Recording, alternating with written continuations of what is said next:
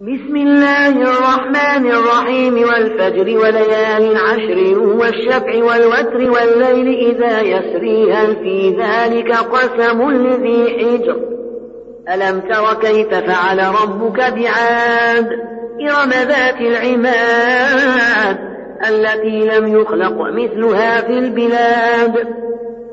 وثمود الذين جابوا الصخر بالواد وفرعون ذي الأوتاد الذين طغوا في البلاد فأكثروا فيها الفساد فصب عليهم ربك سوط عذاب.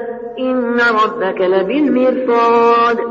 فأما الإنسان إذا ما ابتلاه ربه فأكرمه ونعمه فيقول ربي أكرمن. وأما إذا ما ابتلاه فقدر عليه رزقه فيقول ربي أهانن كلا بل لا تكرمون اليتيم ولا تحضون على طعام المسكين. وتأكلون التراث أكلا لما وتحبون المال حبا جما. كلا إذا دكت الأرض دكا دكا وجاء ربك والملك صفا صفا. وجيء يومئذ بجهنم يومئذ يتذكر الإنسان وأنى له الذكرى.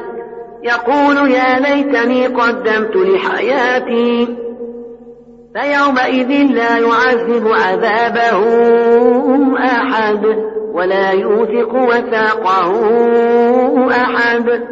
يا أيتها النفس المطمئنة ارجعي إلى ربك راضية مرضية فادخلي في عبادي وادخلي جنتي.